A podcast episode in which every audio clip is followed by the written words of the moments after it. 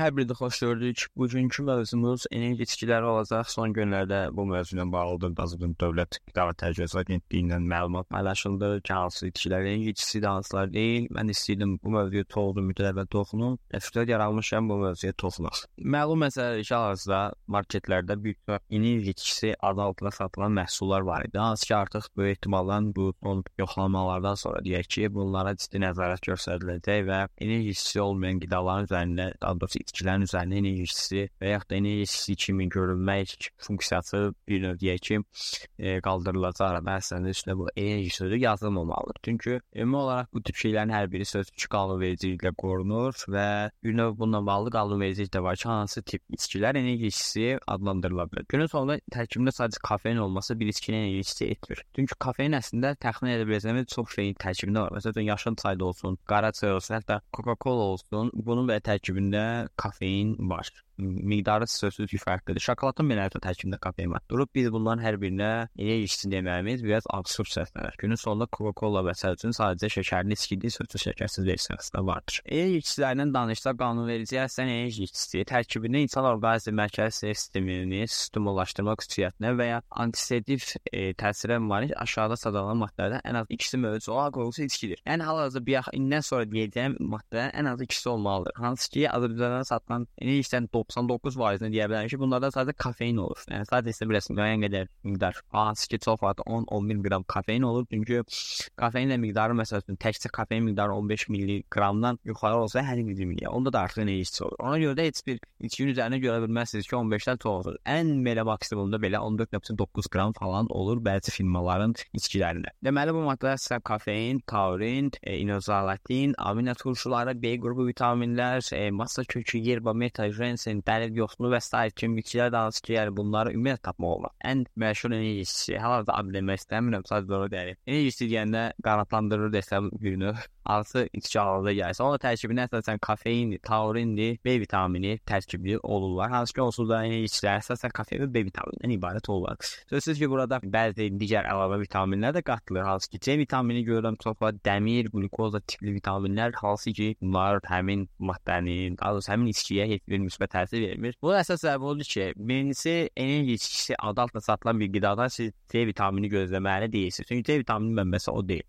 Amma müəyyən qədər digər vitaminlər az, B vitamini birbaşa beyin əlaqəlidir. Yəni müəyyən B qrupu vitaminlər beynimizin daha yaxşı inkişaf, inkişaf etməsi deyil, daha yaxşı işləməsi üçün çox vacib vitaminlər. Əvvəllər ümumi olaraq Azərbaycanda, yəni çox əvvəllər deyim, hətta mən yəni uşaq olduğum vaxtlarda həqiqətən də enerji içkiləri çox idi. Yəni əsl enerji içkiləri. Hansı ki, həmin vaxtda 1 manat satdıq. Burada belə bir şey deyim ki, nə var ki, enerji içkiləri 1 manatdan qiymətləri qalxdı birdən-birə. Sonra yenidən 1 manatlıq enerji içkiləri peyda oldu. Baxın, həmin ərəfədəki enerji içkiləri, yəni sonradan gəlmə 1 manatlıq içkilərin heç biri enerji içkisi deyil. Onlar sadəcə şəkərli və yaxud da şəkərsiz içkilərdən başqa bir şey deyil. Sadəcə şirin suydur. Sadəcə olaraq həmin şeyləri enerji içkisi adı altında bir növ üzr istəmə ifadə olunur. Sözləsi və çox şək ki, bunlar da yeni enerji içkiləridir. Hətta yeni generation, new generation adı altında da buraxdılar. Çünki Azərbaycanda qanunvericilik dəyişdi və ümumi olaraq kofeinin üzərinə qoyulan təvəd müəssisə verici və yaxud da aksis vergisi deməyim də, hansı vergi olmuyor, amma rüsum deyək də buna. Kofeinin miqdarına görə olan rüsum artırıldı və buna görə də bu rüsum artırılırsa sözsüz ki, içkilərin təsiri, qiymətə təsiri göstərir. Ona görə nəyin enerji ilişkisi olub olmadığını bilmək istəyirsə, ən sadə olaraq deyə bilər ki, bir manat enerjisi olur. Yəni bu reallıqdır. Çünki tərkibi haqqında enerjisinin ümumi olaraq tərkibi əslində o qədər də pis deyil.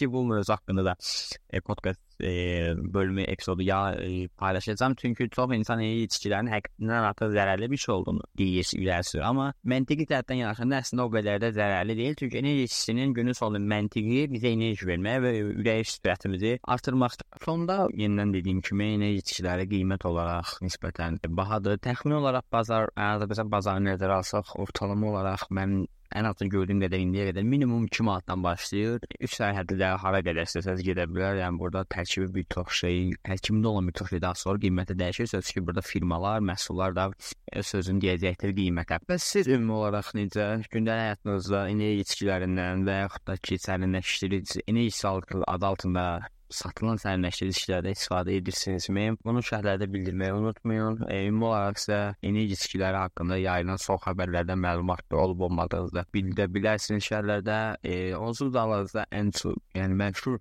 bir növ xəbər portallarının demək olar ki, hər birində bu haqqda məlumat yayılır. Sözsüz ki, yenə də o qədər də ictimailəşdirilmir bu mövzu. Məlum məsələdə böyük ehtimalla iqtisadi məsələlər toxunmamağa görə çox gizli-gizli şey edirlər. Amma günün sonunda e, bu faktı məncə hər kəs bilməlidir ən azından ki, ən azından bilsinlər ki, nə istifadə edirlər, nə içirlər, içkiləri şey nədir, tərkibləri nədir. Əslində günün sonunda hər kəs ümumi olaraq təkcə içkilərini yox, qidalandığımız hər bir şeyin paşetinin üstündə tərkibi yazdır. Onun tərkibini oxuduqdan sonra bir növ qəbul etsək həmin qidanı bədənimizə, əslində həyata çox şey dəyişə bilər. Yəni müsbət təsirlə qidalanmamızda. Məsələn, mən ümumi olaraq sağlam qidalama başladıqdan sonra hər zaman bir şeylər aldıqda, yəni qida olaraq hər zaman üstünü oxuyuram, tərkibinə baxıram və tərkibində hansı ki bilirəm ki, zərərli maddələrdir və da hansı ki bilirəm ki, bu maddə daha çox olsa daha yaxşıdır. Əsasən məsəl üçün proteinli qidalar, məsələn, mərcimək belə deyim, məsəl üçün, həm mərciməyin belə elələri var tərkibində proteini az olur, elələrində və çox olur. Hansı ki alanda bunu mütləq və mütləq fikir vermək lazımdır. Sözsüz ki, günün sonunda mərcimək ən çox həm karbonhidrat mənbəyi kimi həm də